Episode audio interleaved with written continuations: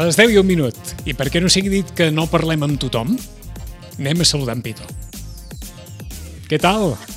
Bon dia, Vicenç. Escoltin, que fa il·lusió perquè he tornat una mica a l'activitat esportiva. Sí, sí, sí. Allò amb la, amb la porta, Amb comptagotes, amb comptagotes, al pavelló de comptagotes. Pinsbens. I tinc un embolic mental de que Ah, això, torna, això, sí que, torna. això sí que és veritat que tenen un moviment. Escolta, perquè un cap de setmana tornen uns, el proper en tornen uns quants més, en fi, que és una bogeria, això. Perquè el, el proper cap de setmana és el cap de setmana del bàsquet. Sí, senyor, el Mira. bàsquet, que recordem, comença temporada, no la reprèn, la comença. La gent del bàsquet encara no l'havia pogut començar perquè l'inici estava marcat justament al mes d'octubre, que és quan va haver de nou l'aturada. Escolta'm, i quan l'acaben? El bàsquet torna ara. I quan l'acaben? Doncs l'acabaran maig, juny.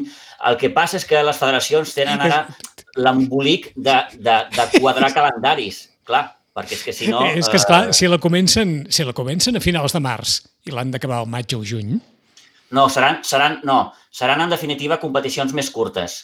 I en el cas del bàsquet, ara que m'ho preguntes, eh, no, no hi hauran ni ascensos ni descensos. És a dir, vindria a ser com una competició amistosa. entesos. L'excusa és que hi hagi competició perquè els jugadors tenen moltes ganes de, de, de, de trobar-se i de competir i de jugar partits, en definitiva, però no, no fem ni ascensos ni descensos. La temporada que ve ja serà una altra història. Si la cosa va millor i com ha d'anar, doncs ja ens hi tornarem a posar. Però mm, de moment està plantejat així. Eh? L'hoquei va tornar a Pinsbens, Sí, i no ho va fer de la millor manera, tot i que havia guanyat el partit de la represa a la pista del Sant Just per 1 a 3. Eh, dissabte venia a l'Igualada, un Igualada que és un equip molt jove, eh, que va demostrar doncs, ser molt letal de cara a porteria i que va, va demostrar una energia que potser no, no, no va tenir el, el Club Patí Sitges. Al final aquest marcador de 4 a 8, que sí que fa mal, però en Carles Busquet, eh, després l'escoltarem, quan va acabar el partit no, no estava massa disgustat en el sentit que ell reconeix que els seus jugadors no els hi pot exigir molt més del que els està exigint hores d'ara. Eh, no oblidem que hi ha molts problemes per poder entrenar, amb tot això del toc de queda, clar, molts jugadors no poden venir a entrenar. En fi, que els entrenaments són, són, són molt febles en aquest sentit i, clar, la condició física passa factura. No va ser el cas, com et deia, de l'Igualada, que es va endur aquesta victòria gràcies al 4-8 final. És un partit que al descans ja el, el Sitges se li posa molt coll amunt perquè l'Igualada es va posar amb un 0 a 3. Va haver un intent de reacció a la segona part. El Club Patí Sitges va aconseguir posar-se amb un 2 a 6, però en qüestió d'un minut l'Igualada va eixamplar de nou el marcador amb un 2 a 8 i als instants finals eh, un home, Biel Salvador, del Club Patí Sitges, autor de tres gols, va mig maquillar aquest resultat deixant-lo en, el, en el 4 a 8. Aquests tres gols del Biel Salvador són, podrem dir-ho així, de les poques coses positives que va deixar l'equip el passat eh, dissabte. I si et sembla, Vicenç, escoltem en Carles Busquet, parlàvem amb ell després de, del partit i aquestes eren les seves valoracions. Bueno, eh, ens esperàvem una igualada potent, ja fossin els, els nens que portessin. Eh, aviam, ha sigut difícil, ells han tingut molta efectivitat, està clar, però podríem dir que hem rebut moltes faltes, o sigui, hem fet moltes, moltes faltes que, bueno, que algunes serien segurament discutibles, eh, i, i, quan només et piten només a tu faltes i l'altre equip a sobre les encerta, pues, si han arribat a la primera part cinc vegades i han fet quatre gols, doncs clar, doncs això també costa aixecar el cap. Igualment ho hem, ho hem, ho hem intentat, hem, hem intentat fins al final, l'actitud era important mantenir-la, s'ha intentat, ells seguien amb aquest encert quan arribaven a porteria, també estàvem nosaltres més oberts, i nosaltres doncs, en- ens, ens, costa, ens costa que entri la, la boleta, la, la d'ocasions n'hem tingudes, però és això, el, la diferència ha sigut l'encert d'ells i, i anar molt amb tantes faltes en contra i, i veient això, que, que ells cada, quan arribaven quasi que era, que era gol. Eh, Primer problema, Carles, marxar al descans amb un 0-3. Ja el partit està, 0-3. està, està molt coll amunt. Sí, bueno, és el que, clar, el vestidor ja a mitja part era, era això, anàvem 0-3 perdent, que se sap que queda una segona part molt llarga, el que vulguis. Eh, sabíem que si ens feien un quart, eh, ja el partit probablement ja, ja no hi havia res a fer. Però és el que diem, tornes a reiniciar el partit i cada cop que t'apropes un jugador et pitant falta, eh, estàvem a set faltes i ells una, no? per exemple. Eh, però bueno, que no és una excusa ni molt menys, eh? Però sí, era això, sabíem que si ens feien el quart abans que nosaltres un gol seria difícil, ho hem intentat, ho hem cregut i tot en algun moment d'aviam si anàvem retallant distàncies i ells anaven pues, tirant cap enrere, però no ens entrava, llavors pues, mira, ha sigut un intent i ja està. Més enllà de, de l'encert de, del conjunt igualadí que comentes, Carles, eh, com has vist el teu equip? Mm, en alguns moments potser el tema físic pot haver passat factura, creus? Bueno, aviam, és que hem canviat la defensa tres vegades. Aleshores, al final també... Eh, bueno, aviam, si t'obres, t'entren, si et tenques, et xuten, si, no? I, i bueno, és això, eh, pues, bueno, patir, aguantar-ho i ja està.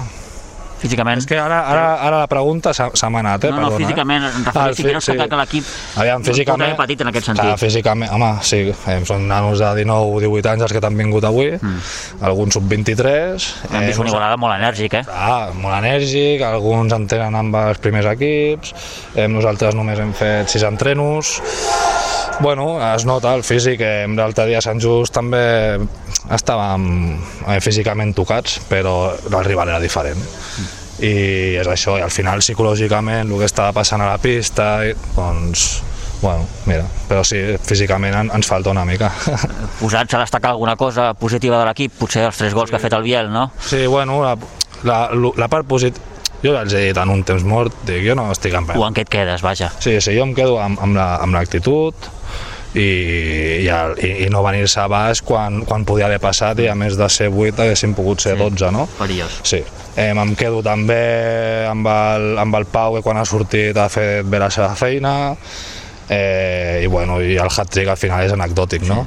Eh, però bueno, jo em quedo amb l'actitud, amb que no ens hem anat del partit, que era molt fàcil anar-se'n, era molt fàcil anar fent targetes blaves, era molt fàcil que hagués sigut un drama a l'últim quart d'hora, no ha sigut així, ho hem intentat, amb el 4-8 encara quedaven 4 minutets i ostres, eh, però bueno, mira, no, no, no ha pogut ser. Bueno, ara no torneu a jugar fins aquí un parell de setmanes, eh, si no m'erro aquí amb el, amb el Montbui. Sí. Eh, no sé, Carles, com, com plantegeu aquesta temporada tan, tan atípica i tan estranya? Bueno, de, mira, de moment la plantegem com ho podem eh, portar-ho, perquè d'entrenos també eh, amb el toc de queda no podem entrenar més dies, eh, llavors ja doncs, la, el físic ja no el pots guanyar. Eh, Eh, el tema sistema de competició bueno, doncs és curt, és intens, eh, sabem que, que no es poden corregir errors a segones voltes perquè no hi hauran i l'objectiu és cada, intentar quedar el més alt possible. El més alt possible vol dir és, és que clar, tampoc sabem ben bé el que passarà després d'aquesta lligueta. Clar, volia preguntar quin és el pla de competició. El seu seria quedar primer i aviam què passa. Mm. Suposo que en cas de que vulguin jugar més partits els segons entrarien i en cas de que volguessin fer una segona lliga amb els altres grups doncs hauríem de quedar, suposo, amb els quatre primers. És això. I si quedem últims, pues, a, cap a segona. és així. Però de moment jo suposo que en, en una setmana o dos tindran que dir-nos alguna cosa, perquè també ja et pots plantejar d'una altra manera els partits i tot. I després el Montbui, pues, bueno, en teoria és un equip que busca la salvació, però com que és un partit tot, eh, pot passar de tot, i bueno, està el Montaner, que estava amb nosaltres aquí l'any passat, està jugant allà, i bueno, res més no coneixem. Sabem que són nanos joves també, però no tenim referències com els últims anys que hem jugat contra ells, que eren més veteranos i tal, doncs aquest any no han canviat bastant.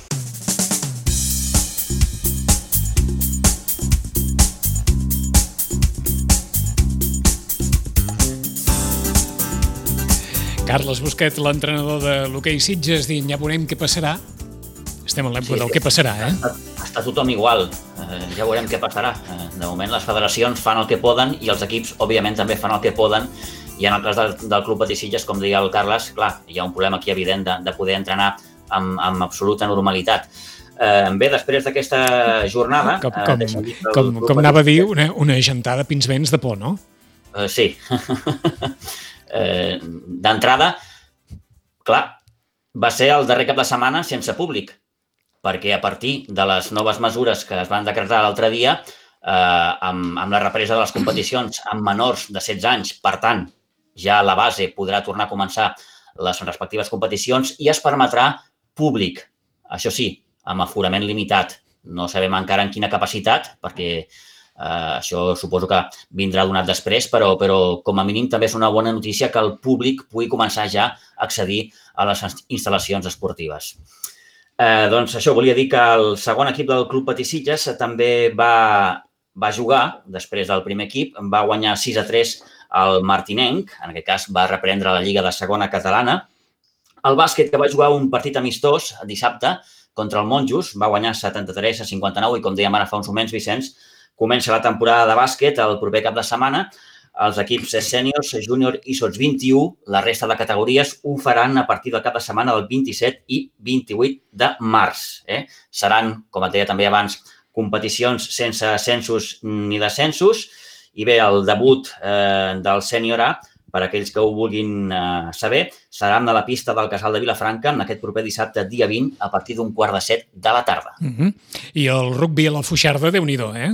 Ja posem també aquí la informació del rugby perquè, bé, tenim la segona jornada de la divisió d'honor catalana amb aquesta contundent victòria del sènior masculí del Rugby Club Sitges que visitava, com bé deies, la Fuixarda de Barcelona per enfrontar-se al segon equip del, del Gòtics, eh, el que va derrotar per 10 a 48. Està en plan eh, piconadora el Rugby Club Sitges perquè mm, el primer partit aquí va guanyar 73 al Badalona. Per tant, té una efectivitat eh, molt, molt, molt accentuada en aquests dos primers partits de, de, de temporada. De moment, dos partits, dues victòries, que el fa liderar la classificació. El proper dissabte un partit molt interessant aquí a Pinsbens perquè eh, s'enfrontaran amb el Barça. El Barça i el Sitges són ara mateix els equips que han guanyat els seus dos partits. Per tant, al ser una competició curta i al només classificar-se un equip per la fase final, eh, serà molt important cada primer, perquè només el primer accedirà a les semifinals. Per tant, el duel d'aquest dissabte amb el Barça serà clau. Sí que només ha començat, però clar, és tan curta la competició, seran només cinc jornades de la fase prèvia i després ja patapam, de cara a les semifinals i la final, doncs cada primer et dona aquest premi de poder accedir a les, a les semifinals. En rugby, poca cosa més. Eh, bé, més enllà, de recordar que l'equip femení no va jugar, tenia jornada de descans i que els equips eh, sots 18 i sots 16 havien de començar aquesta, aquest, aquest cap de setmana, però eh, l'equip rival, que era l'INEF de Lleida, eh, es van detectar casos positius de Covid. Per tant, allò que pot passar també. Eh? Sí, eh, oh, i tant, oh, i tant. Es va haver d'ajornar la, la competició en, en les categories sub-18 i, i sub-14. I ja per acabar, eh, futbol, bé, el futbol tornarà el proper cap de setmana. No tornarà tot, ja vàrem explicar la setmana passada, Vicenç, que eh, es reprèn la temporada menys la segona catalana, eh, on hi juga la Unió Esportiva Sitges. És l'única categoria que no disputarà Lliga, després que la federació doncs, va decidir cancel·lar la competició va fer una mena de consulta als clubs participants. Els clubs bé, no, no veien massa clar aquest retorn. La federació ara ha proposat una competició alternativa amb eliminatòries i amb incentius econòmics de cara a la propera temporada, incentius que van o que són de, en descomptes per als arbitratges, perquè ens entenem. El dia 28 de març, teòricament, hauria d'arrencar aquesta competició. Els clubs tenen fins dimecres per donar el seu vistiplau, és a dir, serà una inscripció voluntària podràs jugar o no podràs jugar. Eh? Aquí ningú obliga. Però no oblidem, i això és important, que un total de 46 equips de la segona catalana, entre ells la Unió Esportiva Sitges, han enviat avui mateix un comunicat a la federació expressant la seva disconformitat a aquesta competició alternativa que proposa la mateixa federació.